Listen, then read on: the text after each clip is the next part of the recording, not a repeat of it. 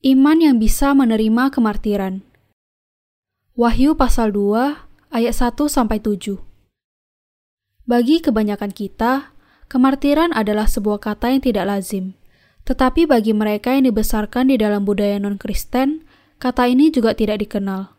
Tentu saja, kata kemartiran bukanlah kata yang kita jumpai setiap hari.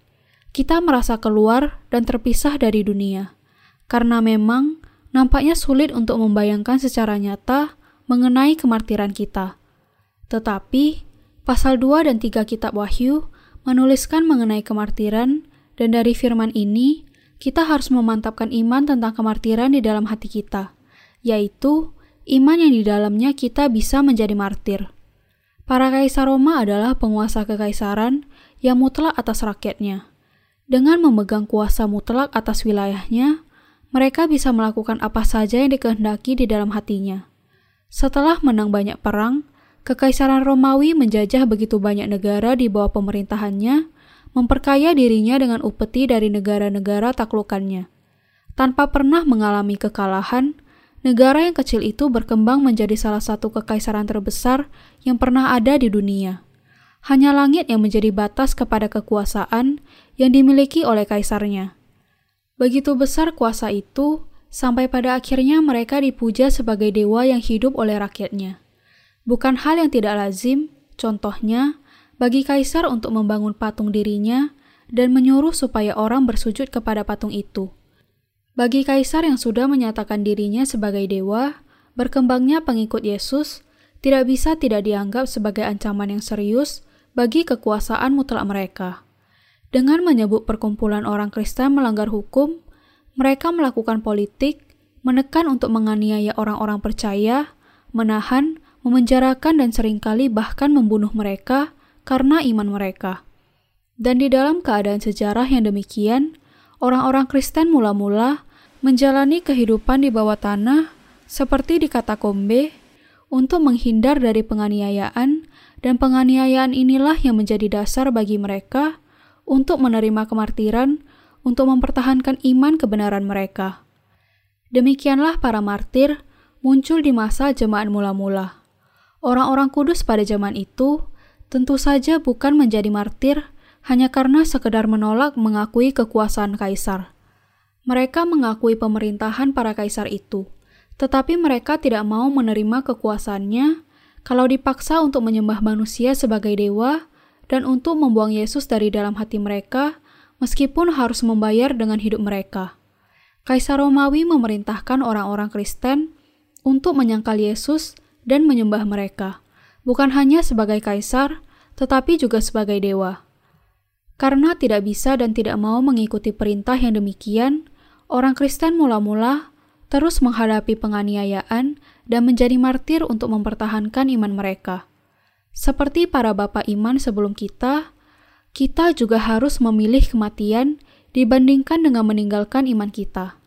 Bagian mengenai tujuh jemaat di Asia Kecil bukan hanya menjelaskan mengenai keadaan pada masa itu, tetapi juga merupakan wahyu mengenai masa yang akan datang. Di dalamnya ditemukan wahyu bahwa para pelayan Allah dan orang-orang kudusnya akan menjadi martir karena mempertahankan iman mereka. Sama seperti pada zaman Kekaisaran Roma, akan datang masanya ketika sebuah pemerintahan yang absolut akan muncul dalam versi dunia modern dari Kaisar Roma yang menundukkan semua orang di bawah pemerintahan tiraninya dengan membuat patung yang harus disembah sebagai dewa. Ini tidak jauh dari masa kita sendiri, dan ketika masanya tiba, banyak orang-orang kudus akan mengikuti langkah kaki orang-orang percaya jemaat mula-mula yang menuju kepada kemartiran. Kita karena itu harus memelihara firman teguran yang diberikan Tuhan kepada ketujuh jemaat di Asia. Dalam salam, pujian, dan teguran kepada ketujuh jemaat di Asia, Allah berjanji bahwa barang siapa menang, akan kuberi makan dari pohon kehidupan yang ada di Taman Firdaus Allah, dan menerima mahkota kehidupan, makan mana yang tersembunyi, bintang fajar, dan lebih lagi. Ini adalah janji setia Allah kepada mereka yang menang atas kemartiran mereka. Ia akan memberikan berkat kekal dari surga. Bagaimana kemudian orang-orang kudus di jemaat mula-mula menghadapi kemartiran mereka? Hal yang pertama yang harus kita ingat adalah bahwa mereka yang menjadi martir adalah para hamba Allah dan orang-orang kudusnya. Hanya mereka yang percaya kepada Yesus sebagai juru selamat mereka tidak akan menyimpang dalam penganiayaan dan berpegang kepada iman mereka serta percaya kepada Tuhan bisa menghadapi kemartiran. Rasul Yohanes yang kita lihat di sini menegur jemaat Efesus dalam masa pembuangannya di Pulau Patmos adalah yang terakhir masih hidup di antara kedua belas rasul Yesus. Semua rasul yang lain sudah menjadi martir dan juga orang-orang kudus lainnya. Secara sejarah, orang-orang kudus di tujuh jemaat di Asia hanyalah sebagian kecil saja di antara begitu banyak orang Kristen yang menjadi martir sampai tahun 313 Masehi.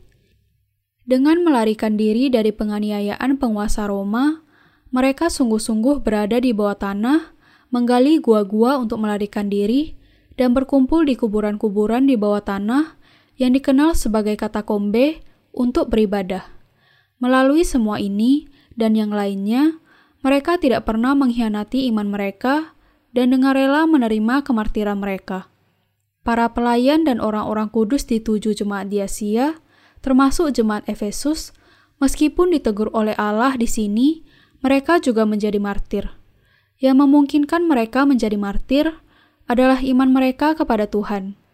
Mereka semua percaya bahwa Tuhan adalah Allah, bahwa Ia menanggung segala dosa mereka, dan bahwa Ia adalah gembala yang akan menuntun mereka semua ke kerajaan seribu tahun dan langit dan bumi baru.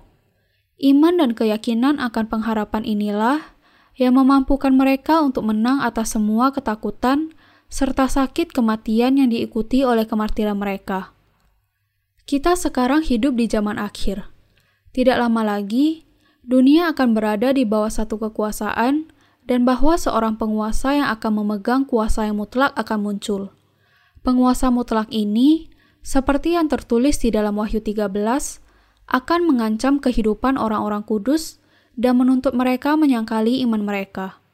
Tetapi kita, orang-orang kudus di zaman akhir ini, akan bisa menang atas ancaman ini dan mempertahankan iman kita melalui kemartiran kita. Karena kita memiliki iman yang sama dengan yang dimiliki orang-orang kudus pada masa jemaat mula-mula.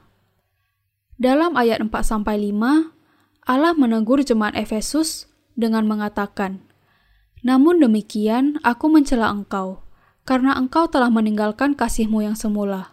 Sebab itu, ingatlah betapa dalamnya engkau telah jatuh. Bertobatlah dan lakukanlah lagi apa yang semula engkau lakukan.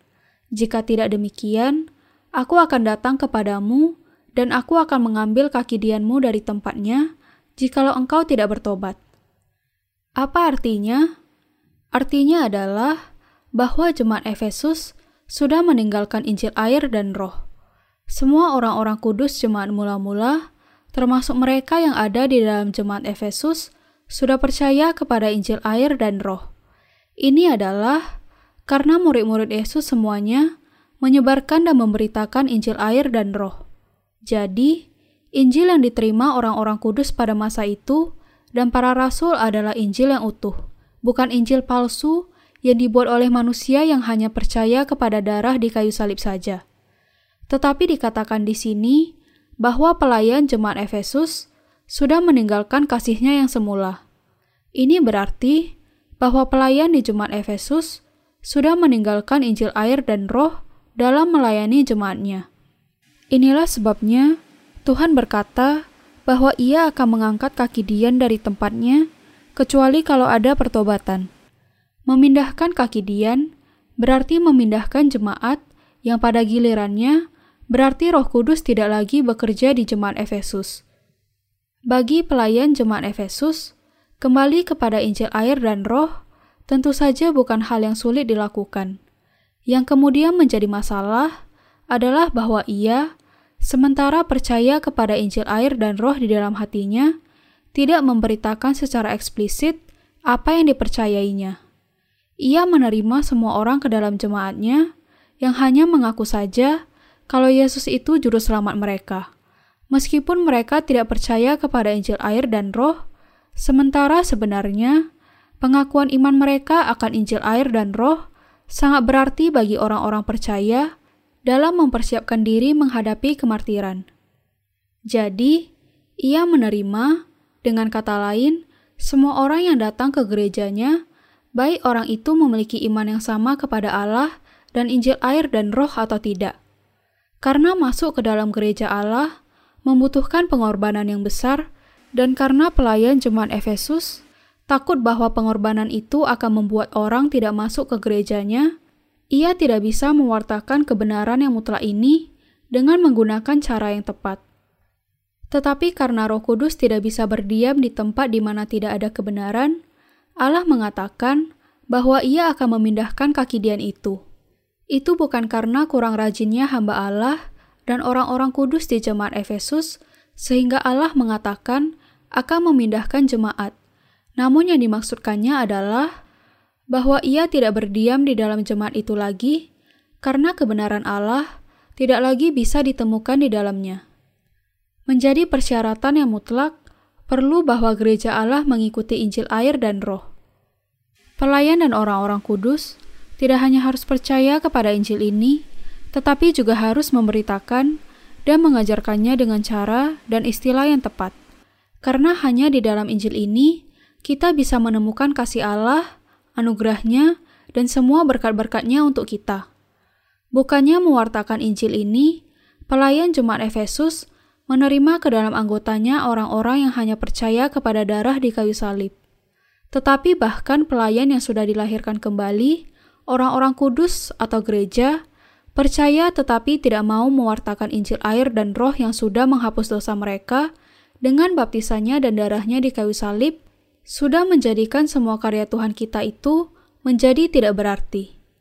Meskipun kita bisa saja memiliki kekurangan dalam pandangan mata Tuhan, kalau kita percaya kepada ini dan mewartakannya, Tuhan akan berdiam dan bekerja di dalam kita sebagai roh kudusnya. Bahkan meskipun seorang hamba Allah atau orang-orang kudus penuh dengan kelemahan, Tuhan bisa mengajarkan dan menuntun mereka melalui firman-Nya. Di dalam gereja di mana Injil air dan roh dan roh kudus didapati, kehadiran roh kudus di dalamnya menunjukkan kalau gereja itu memang kudus. Tidak ada kesucian di dalam diri hamba Allah atau orang-orang kudus kalau mereka tidak memberitakan Injil air dan roh lagi. Mungkin mereka bisa mengatakan tidak lagi memiliki dosa, tetapi kesucian hanya bisa ditemukan di mana Injil air dan roh diwartakan. Injil air dan roh ini adalah Injil yang orang-orang kudus di gereja mula-mula percayai, Injil yang menyatakan bahwa Tuhan datang ke bumi ini dengan menyelamatkan umat manusia, dengan menanggung segala dosa dunia dengan baptisannya, dan menanggung semuanya dengan kematiannya di kayu salib. Dia menanggung segala kelemahan dan kekurangan kita dengan baptisannya. Allah menanggung segala dosa kita dari kelemahan dan kekurangan kita, dan Dia telah menjadi gembala kekal kita. Karena sudah diberkati sedemikian kaya, bagaimana bisa ada orang yang menukar Tuhan dengan seorang kaisar Roma? dan hanya menyembah makhluk yang fana sebagai dewanya? Karena anugerah Allah begitu besar dan berlimpah, tidak ada kesenangan atau ancaman yang bisa membuat orang-orang kudus meninggalkan kasihnya. Dan kemudian, dengan rela atau dengan senang, menerima kemartiran untuk mempertahankan iman mereka. Mereka mengabaikan ancaman yang berusaha untuk membuat mereka menyangkali iman mereka dan usaha untuk menempatkan mereka dalam kedudukan yang tinggi untuk membuat mereka meninggalkan iman mereka demi keuntungan materi. Tidak ada yang bisa membuat mereka menyangkali iman mereka dan meninggalkan Allah mereka. Dan kesetiaan yang tidak pernah mati ini yang membuat mereka mampu menjadi martir. Hati para martir dipenuhi dengan ucapan syukur atas anugerah dan kasih Allah yang sudah membebaskan mereka dari dosa-dosa mereka melalui Injil air dan Roh. Mereka yang imannya tidak bisa menyangkali kasih Allah yang sudah sejak kekekalan memerdekakan mereka dari segala dosa mereka, bisa menerima kemartiran melebihi kemurtatan. Saatnya akan tiba ketika, sama seperti pemerintahan Roma menuntut orang-orang kudus di jemaat mula-mula untuk mengakui keilahian mereka sebagai dewa, kita juga akan dipaksa untuk menyangkali iman kita. Ketika hal ini terjadi, kita harus mengikuti jejak kaki para bapak iman kita dan mempertahankan iman itu sampai kemartiran. Meskipun kita penuh dengan kelemahan, Allah sudah sangat mengasihi kita sampai Ia menanggungkan semua kelemahan itu ke atas dirinya. Bagaimanapun, kita kehilangan kemuliaannya. Ia sudah menerima kita ke dalam tangannya. Bukan hanya Ia menerima kita, tetapi Ia juga menyelesaikan masalah-masalah dosa dan kebinasaan serta sudah menjadikan kita anaknya, serta mempelai wanitanya untuk selamanya. Inilah sebabnya kita tidak pernah bisa menyangkali iman kita, dan sebabnya kita akan dengan rela dan dengan senang hati menerima kemartiran bagi namanya. Kemartiran ini adalah untuk mempertahankan kasih semula yang diberikan Allah kepada kita. Kasih itu bukan hasil emosi manusia belaka, tetapi karena iman kepada kenyataan bahwa Allah sudah memberikan kepada kita semua berkatnya, walaupun ada kelemahan dan kekurangan kita. Kita menjadi martir bukan karena kekuatan kehendak kita, tetapi karena iman kita kepada keagungan Allah kita. Tentu saja, ada orang-orang yang mati sebagai martir untuk negara atau ideologinya. Orang-orang ini memiliki keyakinan yang sangat kuat kepada apa yang mereka percayai sebagai kebenaran dan bahkan siap mengorbankan hidupnya demi hal itu. Lalu bagaimana dengan kita? Bagaimana anak-anak Allah yang sudah dilahirkan kembali oleh iman kepada Yesus Kristus dijadikan martir? Kita bisa menjadi martir karena kita begitu bersyukur atas Injil yang dengannya Tuhan kita mengasihi dan menyelamatkan kita.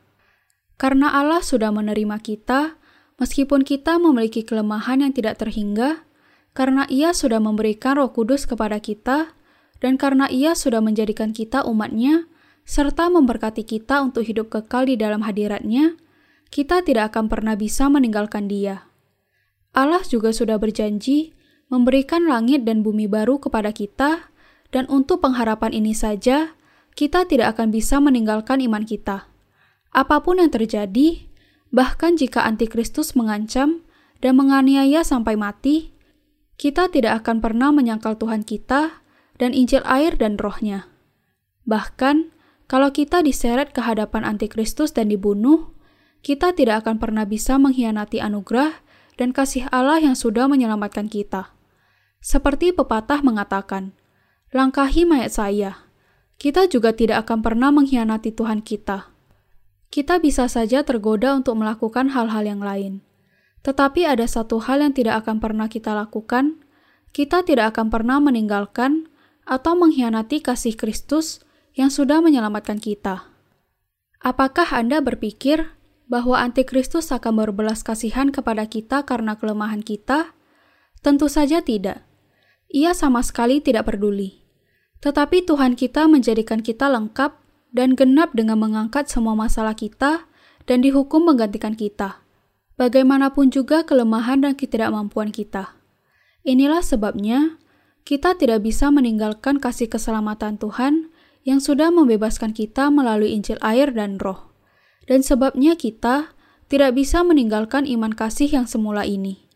Tidak ada yang bisa ditinggalkan kecuali kalau kita tinggalkan hati kita terlebih dahulu. Demikian juga, kalau kita memelihara iman kita di dalam hati kita, kita bisa mempertahankan iman kita sampai kepada akhirnya, meskipun ada banyak ancaman, bujukan, atau godaan diberikan kepada kita. Kalau kita tahu di dalam hati kita mengenai betapa berharganya kasih Allah kepada kita, dan kalau kita berpegang kepada kasih itu sampai akhir, kita bisa mempertahankan Injil itu sampai hari akhir. Bagi mereka yang hidup oleh iman, kemartiran tidak pernah sulit untuk diterima. Kita semua harus berpikir secara serius mengenai kemungkinan kemartiran kita sendiri. Kemartiran bukan hanya sekedar menahan sakit dan penderitaan.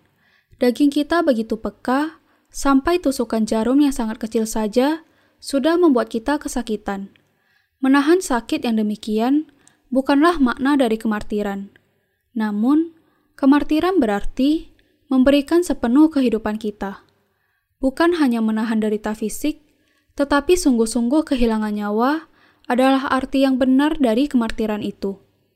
Ketika antikristus menuntut supaya kita menyebut namanya dan menyembahnya sebagai dewa, kita akan menolak sampai kita mati.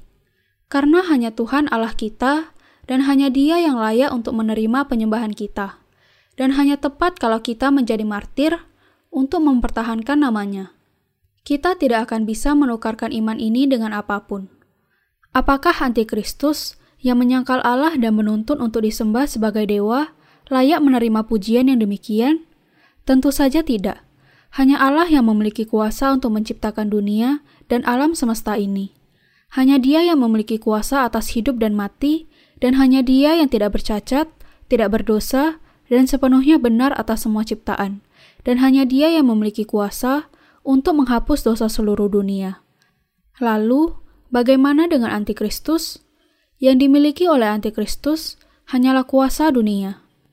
Inilah sebabnya kita tidak bisa menukar Tuhan kita dengan Dia. Dan inilah sebabnya kita tidak akan bisa mengkhianati iman kita kepada Allah yang Maha Kuasa.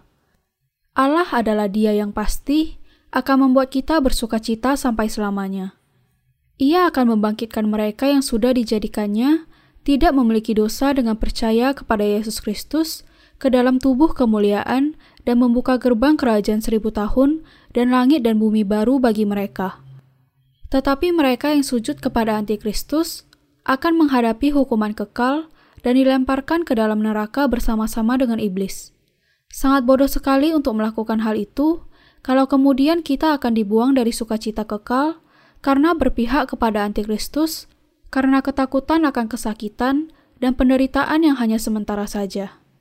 Dengan mengenali kebenaran ini, mereka yang percaya kepada Injil air dan roh di dalam hati mereka akan bisa dengan berani berdiri melawan antikristus, menjadi martir, dan menerima kebahagiaan kekal sebagai upah untuk pengorbanan mereka. Anda dan saya, kita semua akan dijadikan martir.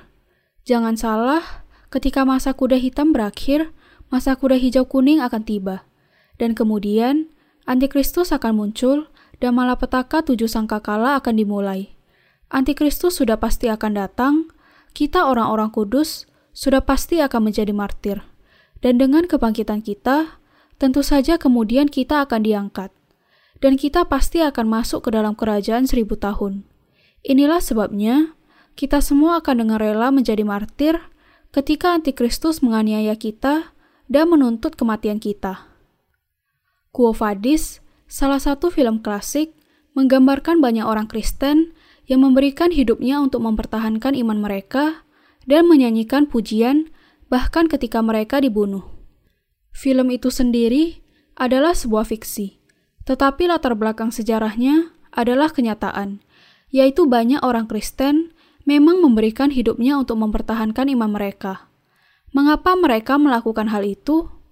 Karena yang dituntut oleh penguasa Roma dari mereka untuk menyangkal Allah dan kemudian memuja dewa-dewa dan untuk membuang iman mereka adalah sesuatu yang tidak bisa diterima.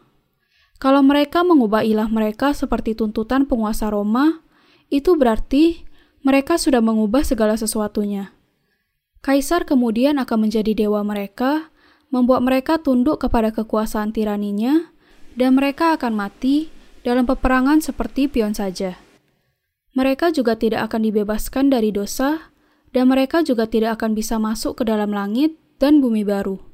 Inilah sebabnya orang-orang itu tidak bisa mengkhianati iman mereka dan bahkan memilih untuk menghadapi kematian dengan sukacita dan pujian. Mereka bisa menyanyikan pujian kepada Tuhan, bahkan meskipun ketika mereka menghadapi maut, karena pengharapan mereka lebih besar daripada kesakitan mereka menghadapi maut. Sangat penting bagi kita untuk mempertahankan Injil air dan roh. Juga merupakan keharusan bagi kita untuk hidup di dalam pengharapan percaya bahwa di balik kematian kita menanti kehidupan kekal di dalam dunia baru yang penuh kebahagiaan dan kemuliaan. Pernahkah Anda menderita bagi Tuhan? Pernahkah Anda sungguh-sungguh menderita bukan karena kesalahan atau kelemahan Anda sendiri, tetapi bagi Tuhan? Kalau penderitaan kita adalah bagi Tuhan, semua sakit kita akan berubah menjadi sukacita yang lebih besar. Seperti yang diungkapkan Rasul Paulus mengenai sukacita ini. Sebab aku yakin bahwa penderitaan zaman sekarang ini tidak dapat dibandingkan dengan kemuliaan yang akan dinyatakan kepada kita. Roma pasal 8 ayat 18. Karena sukacita kemuliaan yang akan dinyatakan di dalam kita jauh lebih besar dibandingkan dengan penderitaan karena Tuhan, semua penderitaan kita sekarang akan terkubur di balik kemuliaan dan kebahagiaan yang besar dari iman kita. Dengan kata lain, orang-orang kudus dan para martir jemaat mula-mula bisa mengalahkan kesakitan mereka dan menyerahkan kehidupan mereka kepada Tuhan karena mereka tahu bahwa sukacita yang menantikan mereka jauh lebih besar daripada penderitaan sesaat mereka. Kemartiran mereka bukanlah hasil dari kemampuan mereka untuk menahan sakit dan mengalami penderitaan, tetapi karena pengharapan mereka akan kemuliaan yang menanti mereka. Pada umumnya, orang menahan kesakitan mereka dengan berpikir bahwa mereka harus membiasakan diri dengan hal itu. Cara yang demikian adalah perjuangan yang sulit dan melelahkan. Ketika daya tahan mereka sampai kepada hasil yang mengecewakan, rasa frustasi mereka jauh menjadi lebih besar. Semua penderitaan mereka menjadi sia-sia saja. Tetapi bagi kita orang-orang Kristen, yang menjadi lebih besar adalah sukacita dan kebahagiaan dari ketekunan kita, karena kita aman di dalam kepastian akan pengharapan dan upah kita. Kalau kita menetapkan pikiran kita untuk melayani Tuhan dengan segenap hati kita sebagai hamba-hambanya yang setia, kita tahu bahwa sukacita dan kesenangan yang menantikan kita adalah jauh lebih besar jika dibandingkan dengan kesakitan serta pengorbanan sekarang. Karena semua kesulitan kita dikuburkan di balik semua sukacita ini, kita bisa menjalani kehidupan bagi Tuhan dan bahkan menerima kemartiran kita bagi Dia. Manusia memiliki jiwa, emosi, pikiran, dan iman. Bagi orang-orang yang sudah dilahirkan kembali, karena roh Tuhan berdiam di dalam mereka, dianiaya bagi kebenaran hanya akan mendatangkan sukacita dan bahagia yang tidak terkatakan karena kemuliaan yang menantikan mereka. Tetapi kalau mereka meninggalkan kasih yang semula ini, Tuhan tidak akan ragu-ragu untuk memindahkan kaki Dian itu. Kalau mereka yang sudah dengan sukacita melayani Injil air dan roh dengan sepenuh hati mereka, kemudian berhenti melakukannya, itu hanya bisa berarti bahwa mereka secara bertahap meninggalkan sukacita melayani Injil, kasih mereka yang semula. Bahkan meskipun mereka tidak sepenuhnya membuang Injil ini. Mereka bisa jadi masih berpegang kepada iman pribadi mereka, tetapi mereka tidak lagi bangga dalam memberitakan Injil dan tidak lagi memiliki pemahaman yang jelas mengenai apa artinya diselamatkan, bahwa darah di kayu salib tidak cukup untuk keselamatan. Kemudian iman mereka akan dicemarkan, dan kemartiran akan menjadi sesuatu yang tidak akan mungkin mereka capai. Allah kemudian akan memindahkan kaki dian mereka dari tempat yang semula. Mereka yang melayani Injil dengan sukacita dan ketekunan akan bisa menerima kemartiran dengan senang karena mereka tidak akan pernah meninggalkan kasih mereka yang semula. Karena orang-orang ini diberkati Allah, karena percaya dan memberitakan kasih Kristus, mereka bisa menjadi martir. Tidak peduli bagaimana hebatnya kemampuan Anda, kalau Anda tidak memberitakan Injil air dan roh, jemaat akan dipindahkan dari tempatnya yang semula. Ini adalah berita yang sangat penting yang dikehendaki Allah supaya kita mengerti. Kalau kita menyadari dan percaya kepada kebenaran ini, kita bisa memperbaharui hati kita di zaman akhir dan bisa menjadi martir bagi nama Tuhan. Apa sebenarnya inti yang paling penting bagi iman kita? Injil air dan roh. Kalau bukan karena Injil air dan roh, apa gunanya pekerjaan iman kita? Alasan mengapa kita bisa mempertahankan iman adalah karena Allah sudah mengasihi kita dan merangkul kita di dalam tangannya dengan Injil air dan roh. Karena kasih ini adalah kasih yang tidak pernah berubah yang mempermuliakan kita, kita bisa mempertahankan iman kita. Kita bisa mempertahankan iman kita dan terus memberitakan serta mewartakannya. Meskipun kita memiliki kelemahan, kita bisa lari kepada Allah pada akhirnya. Karena Injil air dan roh sudah menyelamatkan kita. Dan karena di dalam Injil ini ditemukan kasih Kristus. Kita penuh dengan kekurangan, Tetapi karena kita sudah mengenakan Injil air dan roh yang penuh dengan kasih dari Tuhan kita, kita bisa mengasihi saudara-saudara kita, para hamba Allah, dan semua manusia yang ada di dunia ini. Pada dasarnya, kasih yang sempurna itu tidak bisa dijangkau oleh manusia. Karena tidak ada kasih di antara kita, kita tidak memiliki kemampuan untuk mengasihi sesama kita dan hanya bisa mengasihi diri kita sendiri. Banyak orang tertipu oleh apa yang muncul di bagian luarnya saja, tertarik oleh bercahayanya bagian luar yang hanya sebatas kulit saja. Mereka menilai manusia sesuai dengan apa yang kelihatan dan milik bagian luar yang ada di dalam diri orang itu. Tetapi di antara orang-orang yang sungguh-sungguh percaya, terdapat kasih Allah. Inilah yang memampukan kita untuk memberitakan Injil, kasih Tuhan kita yang sempurna. Tuhan datang ke dunia ini, dibaptiskan untuk menerima semua kelemahan kita dan menyucikan kita dari segala dosa yang kita miliki. Bagaimana kemudian kita bisa meninggalkan kasih yang semula darinya yang sudah menjadikan kita anak-anak Allah? Kita bisa saja memiliki banyak kekurangan di beberapa bidang, tetapi kita jangan sampai kekurangan iman kepada kebenaran ini. Kita harus memberitakan Injil ini dengan iman yang mutlak yang paling kita butuhkan di dalam masa-masa kesusahan adalah iman kepada Injil air dan roh yang ini. Ketika kita menghadapi ujian dan pencobaan, kekuatan untuk mempertahankan iman dan menang atas semua kesulitan berasal dari iman kepada Injil air dan roh. Dengan kuasa Injil inilah, wajah kita bisa berseri-seri, penuh sukacita meskipun kita menjadi bosan dengan begitu banyak pergumulan yang kita hadapi dalam kehidupan setiap hari kita. Inilah kasih Tuhan kita. Seringkali manusia gampang terjebak kepada jebakan legalis. Mereka berpikir bahwa Allah memberkati mereka atas apa yang sudah mereka lakukan. Saya tidak akan tentu saja mengatakan bahwa ini sepenuhnya salah, karena Tuhan mengatakan bahwa Ia akan mengasihi mereka yang mengasihi Dia tetapi bukan karena apa yang sudah kita lakukan, sampai Allah begitu mengasihi kita dan menjadikan kita tidak berdosa. Karena Allah tahu semua janjinya yang sudah diberikannya kepada kita, dan karena Ia tahu segala dosa kita, Ia sudah dalam kehendak dan kasihnya yang sempurna menerima kita dan menjadikan kita lengkap. Semata-mata karena berkatnya, sampai kita bisa bersuka cita. Karena Allah sudah menjadikan kita umatnya dan hambanya, sehingga kita bisa bekerja bagi Tuhan, mengenakan kemuliaannya, memberitakan Injil kepada orang lain, dan ketika saatnya tiba, menjadi martir bagi namanya. Ia adalah dia yang memampukan kita melakukan semua hal itu. Dari manakah para wanita martir itu di dalam film Quo Vadis menemukan kekuatan untuk memuji Tuhan bahkan ketika mereka akan dibunuh? mereka menemukan kekuatannya di dalam kasih Tuhan kita. Karena kasih Kristus begitu besar, mereka akan menerima kemartiran mereka dengan pujian. Prinsip yang sama bisa kita terapkan di dalam kehidupan kita sendiri.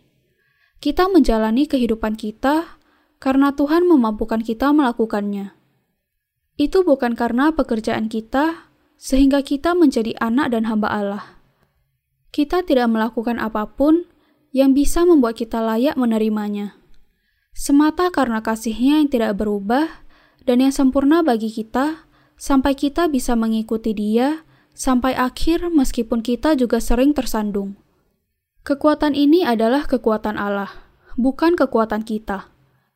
Kemartiran hanya bisa terjadi karena kasih Allah sudah menjadikan kita lengkap. Oleh anugerah Allah saja, kita bisa menerima kemartiran. Ingat kebenaran ini, yaitu bahwa Allah yang memampukan kita untuk menjadi martir. Dan jangan membuang waktu untuk mempersiapkan diri Anda menerima kemartiran, seolah-olah ada sesuatu yang bisa Anda lakukan. Hanya iman kita kepada Injil air dan roh yang memampukan kita memuji Tuhan sampai nafas penghabisan kita. Tuhan berkata kepada ketujuh jemaat di Asia, Barang siapa menang, dia akan kuberi makan dari pohon kehidupan yang ada di taman Firdaus Allah. pohon kehidupan ditemukan di dalam langit dan bumi baru. Di sana ada tahta Allah, rumah yang dibangun dengan batu mulia, dan air kehidupan yang berlimpah. Kepada mereka yang menang, Allah menjanjikan Firdaus miliknya, di mana mereka akan hidup kekal dengan Dia dalam kesempurnaan.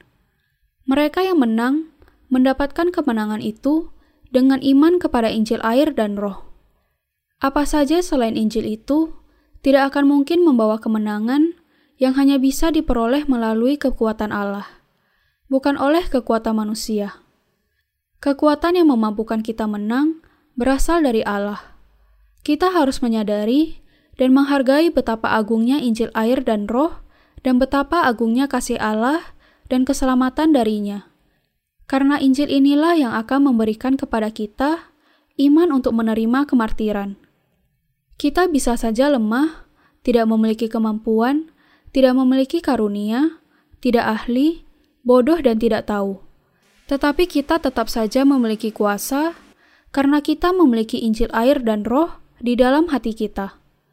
Nama-nama mereka yang percaya kepada Injil air dan Roh tertulis di dalam Kitab Kehidupan. Semua orang yang namanya tidak tertulis di dalam kitab kehidupan, sebaliknya, akan jatuh dan dilemparkan di hadapan iblis. Hanya mereka yang namanya tertulis di dalam kitab kehidupan, dengan percaya kepada Injil air dan roh, tidak akan tunduk di hadapan iblis. Anda harus yakin bahwa nama Anda dengan jelas dan pasti tertulis di dalam kitab kehidupan ini. Ketika kita menjadi martir, itu adalah karena iman kita kasih yang semula dari Kristus yang diberikan Tuhan kepada kita. Kita bisa menantikan kemartiran kita tanpa khawatir atau takut karena kita percaya bahwa Roh Kudus yang berdiam di dalam kita akan memberikan kepada kita kekuatan untuk menghadapi kemartiran. Karena penderitaan kemartiran tidak bisa dibandingkan dengan kemuliaan surga yang menantikan kita, kita tidak akan tunduk takut kepada kematian kita dan bahkan dengan berani menerima kemartiran kita untuk mempertahankan Injil yang berharga itu. Kita sekarang harus meninggalkan semua kebingungan tentang bagaimana kita bisa menjadi martir. Karena itu bukanlah karena usaha kita, tetapi karena Allah kita menjadi martir. Saya yakin bahwa suatu saat nanti akan ada pengumuman memakai pengeras suara yang isinya demikian. Saudara-saudara, ini adalah hari terakhir untuk menerima tanda. Hanya sedikit yang masih harus menerima tanda hari ini. Kami berterima kasih atas kerjasama Anda sampai sekarang. Menerima tanda ini sangat baik untuk Anda dan merupakan suatu keharusan, karena hal itu diperlukan untuk merapikan aturan negara kita. Jadi, silakan datang ke kantor pemerintah dan menerima tanda itu secepat mungkin. Sekali lagi, saya katakan, ini adalah hari terakhir bagi Anda untuk menerima tanda itu. Mereka yang belum menerima tanda itu sampai waktu yang ditentukan pada hari ini akan menerima hukuman yang keras. Untuk lebih jelasnya, saya akan menyebutkan nama orang-orang yang belum menerima tanda itu. Tentu saja, ini hanya gambaran saja. Tetapi hal itu pasti akan terjadi tidak lama lagi. Orang-orang percaya di masa jemaat mula-mula memperkenalkan dirinya dengan lambang ikan. Itu adalah lambang di antara mereka. Kita juga akan memilih memakai lambang yang membuat kita dikenal oleh saudara-saudara kita, sehingga kita bisa saling menguatkan iman sesama untuk menerima kemartiran itu. Karena kemartiran bukanlah sesuatu yang bisa kita capai melalui upaya kita, kita bisa membuang kekhawatiran kita dan menghadapi hal itu dengan keberanian. Tidak ada yang perlu ditakutkan dalam kematian karena kebenaran kita. Yang harus kita lakukan hanyalah hidup bagi Tuhan selama kita ada di dunia ini. Kita bisa menyerahkan diri sepenuhnya kepada Tuhan karena kita tahu bahwa kita ditentukan untuk menjadi martir bagi nama Allah kita. Anda harus menyadari bahwa kalau Anda berusaha untuk lari dari kemartiran karena takut kehilangan milik Anda, Anda akan menghadapi kesulitan dan bencana yang lebih besar. Anda harus menjadi manusia iman yang tahu bahwa mereka akan menjadi martir bagi Kristus, tetapi tetap menjalani kehidupan mereka bagi Tuhan sampai akhir hayat mereka. Ketika kita menyadari bahwa kita akan menjadi martir, kita akan menjadi lebih bijaksana dalam iman, pikiran, dan tindakan nyata kita. Pengetahuan ini adalah obat untuk kebodohan kita yang memampukan kita meninggalkan semua ikatan dunia. Itu tidak berarti bahwa kita selalu harus kehilangan nyawa kita, tetapi berarti bahwa kita harus hidup bagi Tuhan. Sampai kuasa Allah menggulingkan kuasa iblis ke dalam lubang yang tidak berdasar, kita hidup bagi Tuhan yang menyelamatkan kita, melawan, dan menang atas iblis dan antikristus, dan memberikan kemuliaan atas kemenangan itu kepada Allah dan hanya kepadanya saja. Allah ingin dipermuliakan oleh kita. Saya bersyukur kepada Tuhan yang memungkinkan kita, dengan iman kita, memberikan kemuliaan kepadanya yang sudah memungkinkan kita menang. Kita percaya bahwa Tuhan akan segera kembali untuk membawa kita. Ketika banyak orang kembali kepada Allah di akhir zaman, Allah akan menerima mereka semua ke dalam tangannya dan membawa mereka. Seperti yang dikatakan Allah kepada jemaat Philadelphia dalam Wahyu pasal 3 ayat 10. Karena engkau menuruti firmanku, untuk tekun menantikan aku, maka aku pun akan melindungi engkau dari hari pencobaan yang akan datang atas seluruh dunia untuk mencobai mereka yang diam di bumi. Allah pasti akan menggenapi firman perjanjiannya. Yang dimaksud dengan engkau menuruti firmanku untuk tekun oleh Allah menunjuk kepada kehidupan orang-orang kudus yang setia. Itu berarti bahwa mereka berdiri teguh di dalam iman mereka, apa pun yang dikatakan atau dilakukan orang lain terhadap mereka. Ketika Allah mengatakan bahwa Ia akan melindungi engkau dari hari pencobaan, adalah bahwa mereka yang menuruti firman-Nya untuk tekun akan dibebaskan dari pencobaan iman.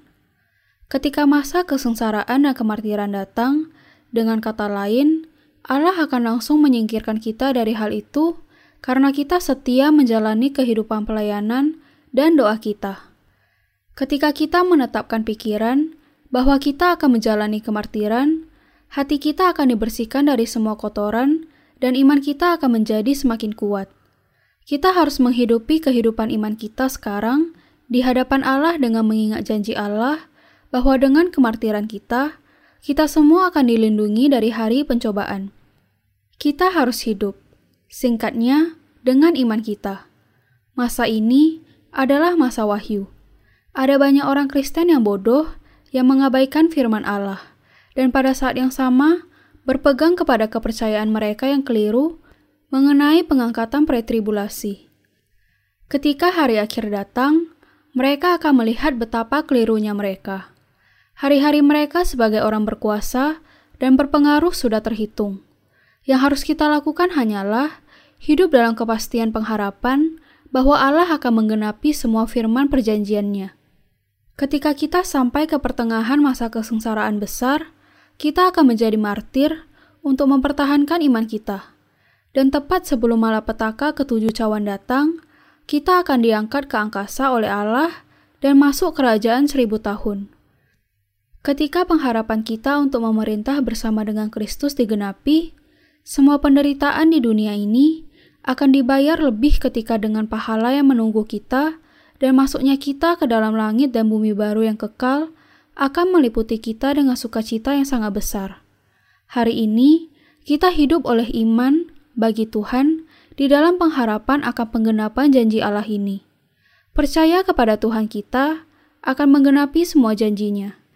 Kita hidup di dalam penantian akan datangnya hari ketika kita akan bisa hidup bersama Dia untuk selamanya dalam tubuh kita yang sudah dimuliakan. Saya bersyukur kepada Tuhan yang memberikan kepada kita Injil pengampunan dosa yang sempurna, yang memampukan kita menerima kemartiran untuk mempertahankan iman kita kepadanya dan untuk membuat kita berdiri di antara orang-orang yang diberkatinya. Latar belakang Jemaat Efesus Efesus, sebuah kota pelabuhan besar di wilayah Asia Kecil Kekaisaran Roma, adalah pusat dari kegiatan perdagangan dan keagamaan. Di masa jemaat mula-mula, kota ini adalah kota internasional yang berkembang pesat. Di sebelah utaranya ada Smyrna, dan di sebelah selatannya ada Miletus. Menurut mitos, Amazon, dewi perang yang sangat perkasa, membangun kota ini pada abad 12 sebelum Masehi ketika ia memberikan kota itu kepada Andoklus, putra mahkota Athena. Efesus, secara materi, adalah kota yang makmur, yang berarti bahwa kota itu juga sangat bersifat dunia. Inilah sebabnya Allah mengatakan bahwa jemaat Efesus harus melawan sampai akhir dan mengalahkan iblis sehingga mereka tidak akan kehilangan Injil air dan rohnya. Kita harus menyadari betapa pentingnya firman kebenaran Allah itu dan kita harus mempertahankan iman kita dengan segala cara. Melalui Rasul Yohanes, Allah menulis kepada jemaat Efesus. Tuliskanlah kepada malaikat jemaat di Efesus. Inilah firman dari dia yang memegang ketujuh bintang itu di tangan kanannya dan berjalan di antara ketujuh kaki dian emas itu. Aku tahu segala pekerjaanmu, baik jeripayahmu maupun ketekunanmu. Aku tahu bahwa engkau tidak dapat sabar terhadap orang-orang jahat, bahwa engkau telah mencobai mereka yang menyebut dirinya rasul, tetapi yang sebenarnya tidak demikian, bahwa engkau telah mendapati mereka pendusta, dan engkau tetap sabar dan menderita oleh karena namaku, dan engkau tidak mengenal lelah. Jemaat Efesus dipuji oleh Allah karena pekerjaan mereka, kesabaran, dan tidak membiarkan kejahatan. Dan karena mencoba, serta menyingkap nabi palsu, dan tanpa kenal lelah bekerja bagi namanya dengan ketekunan dan kesabaran. Tetapi jemaat Efesus juga ditegur karena tindakan mereka yang salah. Seperti yang bunyi ayat selanjutnya, Namun demikian aku mencela engkau, karena engkau telah meninggalkan kasihmu yang semula. Sebab itu, ingatlah betapa dalamnya engkau telah jatuh. Bertobatlah dan lakukanlah lagi apa yang semula engkau lakukan jika tidak demikian, aku akan datang kepadamu, dan aku akan mengambil kaki dianmu dari tempatnya, jikalau engkau tidak bertobat. Tetapi ini yang ada padamu, yaitu engkau membenci segala perbuatan pengikut-pengikut Nikolaus, yang juga kubenci.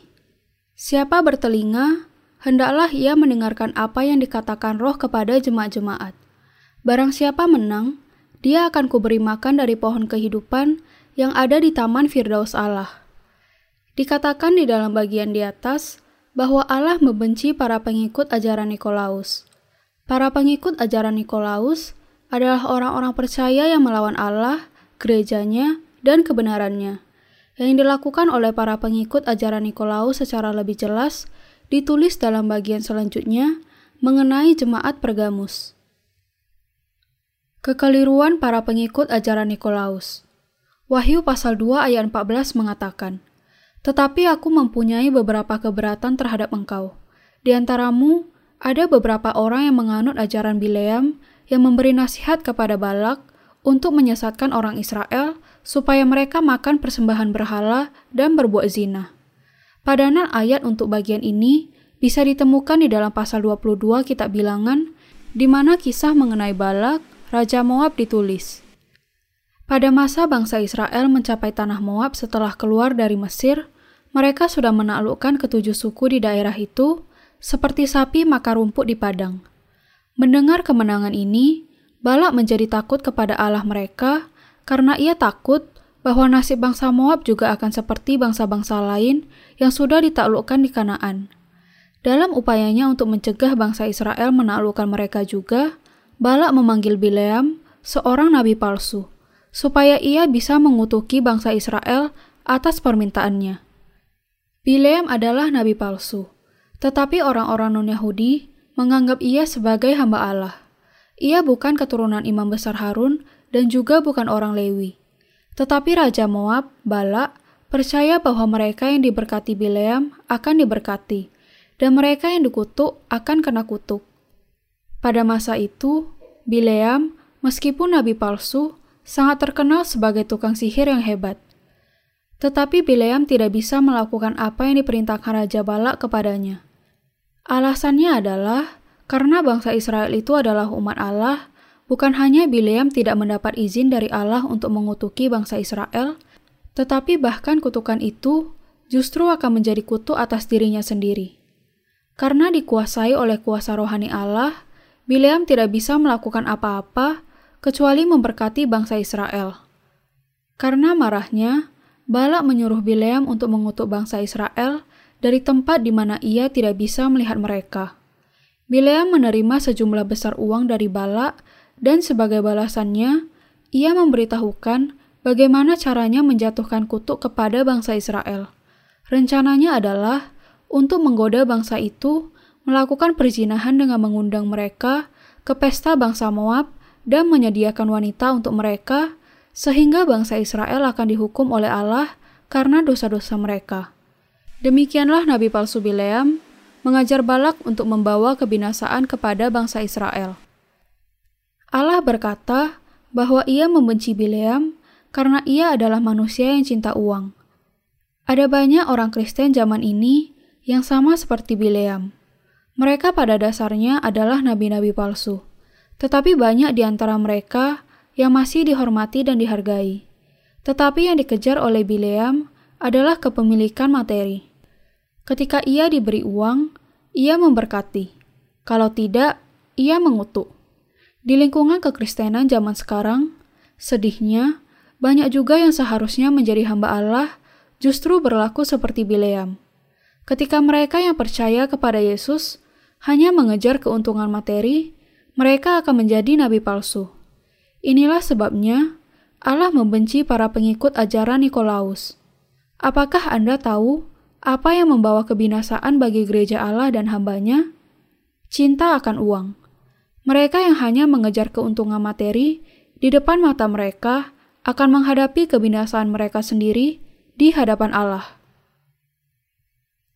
Jemaat yang meniru Bileam Zaman ini, sama seperti pada masa para rasul, ada banyak gereja duniawi yang mengikuti jalan Bileam.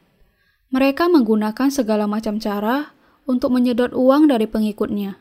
Sebagai contoh, ada yang mendorong jemaatnya untuk saling bersaing di antara mereka untuk memberi kesaksian mengenai iman mereka bukan dalam hal rohani, tetapi dalam jumlah pemberian materi mereka, seolah-olah persembahan dari orang-orang yang percaya itu adalah barometer untuk iman mereka.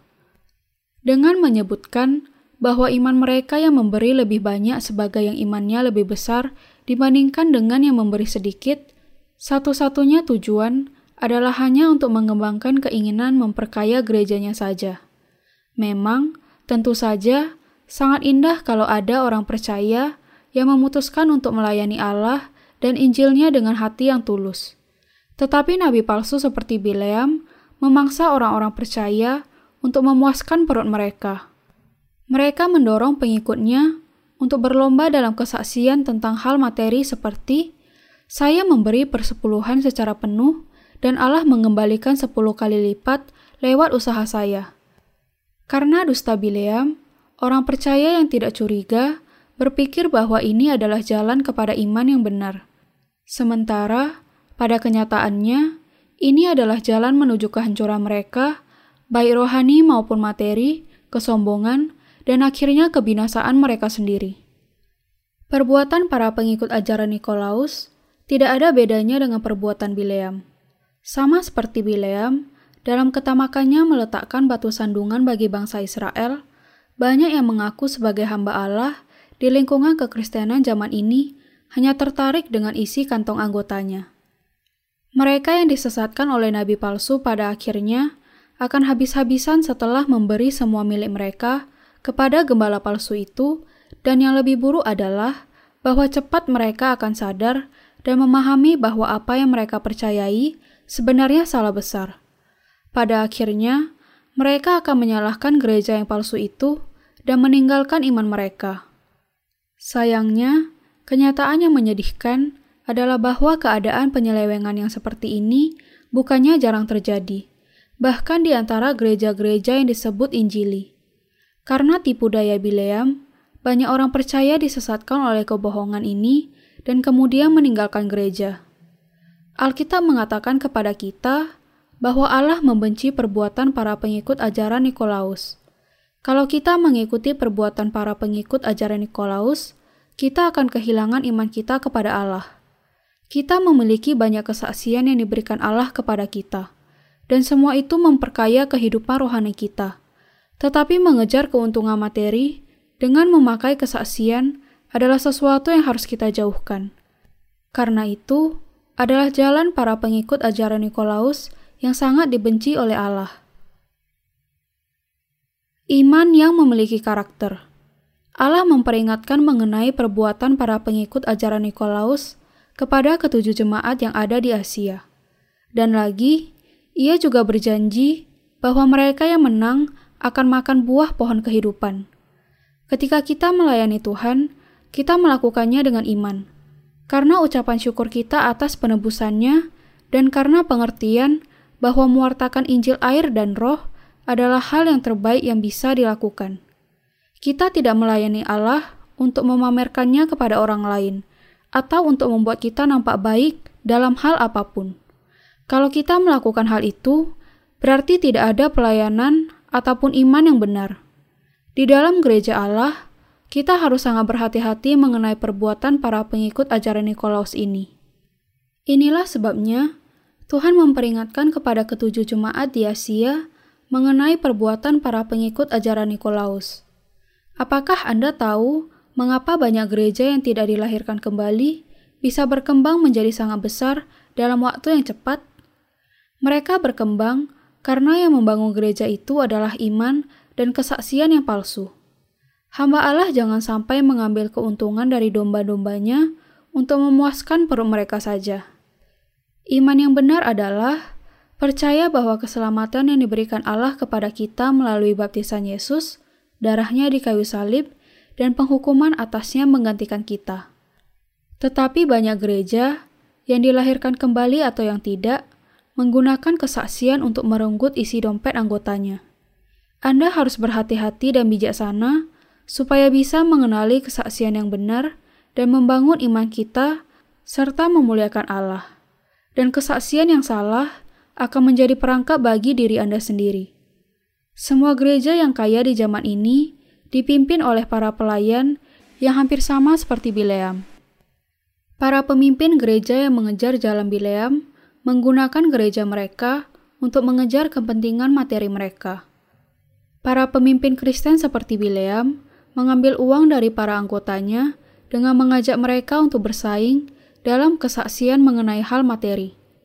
Saya pernah melihat yang seperti itu. Kehidupan iman yang sejati tidak lain dimulai dengan iman. Kita harus cukup bijaksana untuk menghindarkan diri dari jebakan para pengikut ajaran Nikolaus yang dibuat oleh iblis. Semua manusia harus tahu apakah perbuatan para pengikut ajaran Nikolaus itu dan tidak pernah ditipu oleh hamba iblis yang ketamakannya tidak mengenal batas. Hamba Allah secara khusus harus sangat berhati-hati dalam hal ini. Ini termasuk para pelayan. Ketika para pelayan menjadi terlalu perhatian kepada milik materi mereka, mobil apa yang dinaiki, bagaimana besarnya rumahnya, betapa banyaknya properti mereka, berapa banyaknya tabungan mereka di bank, mereka akhirnya akan mencemari jemaat mereka dan membawa mereka ke jalan para pengikut ajaran Nikolaus. Allah berkata kepada ketujuh jemaat di Asia supaya berhati-hati mengenai hal ini. Orang-orang dengan iman seperti Bileam hanya mengejar keuntungan materi, kemuliaan diri, dan akhirnya mencoba untuk mendirikan sebuah sekte. Jemaat Allah tidak boleh mengejar sekedar kepemilikan materi saja karena Allah berjanji bahwa Ia akan memberkati mereka yang mengejar Injil air dan Roh. Kita harus menggunakan kepemilikan materi kita untuk memberitakan Injil ini, bukan untuk menimbunnya di dunia ini. Tolak para gembala palsu. Bahkan orang percaya yang dilahirkan kembali akan bernasib sama kalau mereka jatuh ke dalam jebakan para pengikut ajaran Nikolaus. Pada awalnya, mungkin mereka berpikir bahwa iman pemimpinnya sangat indah dan kuat. Tetapi tipu daya para gembala palsu pada akhirnya akan membawa mereka kepada kebinasaan. Allah mengatakan kepada malaikat jemaat di jemaat Efesus bahwa ia membenci perbuatan para pengikut ajaran Nikolaus. Semua manusia yang terjebak kepada ajaran Nikolaus akan menghadapi nasib yang sudah pasti. Apakah ia orang percaya yang dilahirkan kembali, hamba Allah, atau siapa saja Kebinasaan sudah pasti kalau mereka terjebak oleh ajaran Nikolaus. Seperti gembala yang jahat menuntun dombanya kepada maut, nabi palsu juga mendatangkan kutuk. Inilah sebabnya Allah mengatakan kepada hamba-hambanya supaya memberi makan domba-dombaku. Hamba Allah harus memperhatikan orang-orang percaya, sama seperti gembala memperhatikan domba-dombanya, menjaga mereka dari bahaya, dan mempedulikan kebutuhan mereka. Sebagai gembala, mereka harus memastikan bahwa anggota mereka tidak tersesat, menemukan bahaya apa yang mungkin mengancam di depan mereka, dan mencegah mereka mendekati bahaya yang demikian. Saya mendengar dari orang-orang yang sungguh-sungguh memelihara domba bahwa binatang itu adalah binatang yang sangat keras kepala. Tidakkah kita juga seperti domba yang keras kepala di hadapan Allah?